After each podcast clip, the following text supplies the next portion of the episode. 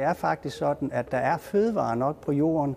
Der er kalorier nok til at mætte også en voksende befolkning. Problemet er bare, at vi bruger dem forkert. Og vi har i lang tid via kostrådene vidst, at vi skulle spise mere grønt, men vi gør det ikke. Spørgsmålet er, når vi ikke spiser det for vores sundheds skyld, kommer vi så til at gøre det for klimaets skyld. Så vi er nødt til at tage fat på, hvad er udfordringen med at spise mere grønt. Det har noget at gøre med smagen. Men det er der faktisk en løsning på. Der er nogle helt fundamentale grunde til, at det er vanskeligt for os at spise mere grønt. Og det ene, det har at gøre med, at vi som mennesker er kødspisere, og det har vi været i over 2 millioner år, fordi kød giver os øh, proteiner, det er godt til at opbygge kroppen, og det giver os energi, det er godt til at opbygge en stor hjerne.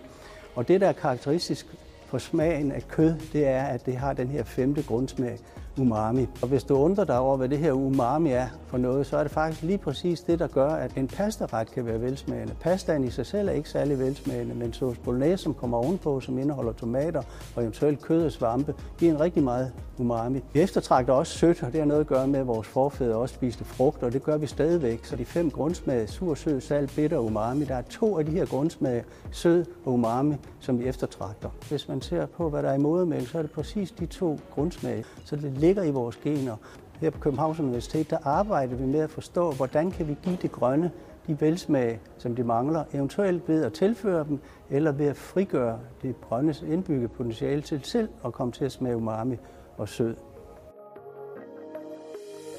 Hvis vi vil få det grønne til at smage mere umami, ja, så kan vi tilføre det fra forskellige andre kilder, som har meget umami. Og det kan vi gøre i saucer, i dressinger, i forskellige tilberedninger i køkkenet. Og der ved vi for eksempel, fordi vi har mål på det, at mange fødevarer fra havet, det gælder fisk, det gælder skalddyr, det gælder blæksprutter, og det gælder også tang, de har rigtig meget umami. Og det vi ser fra vores målinger, det er, at der er faktisk meget lidt, der skal til af de her forskellige umami-rige fødevarer for at give det grønne, det det mangler. Den anden vej, det er at frigøre det grønnes egen indbygget potentiale til både smag sødt og umami. Og det kan det faktisk, fordi det grønne det har kulhydrater, kulhydrater bygger op af sukker, og ved hjælp af enzymer og mikroorganismer, så kan vi omsætte de her kulhydrater til de søde sukker.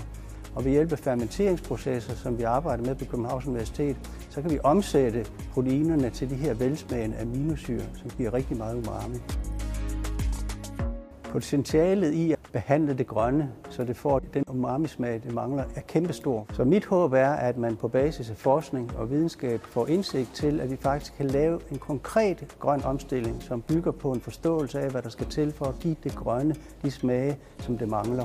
At vi som mennesker kommer til at spise mere grønt, uden at gå på kompromis med smagen, så vi faktisk ikke mangler noget, når vi spiser mere grønt og mindre kød.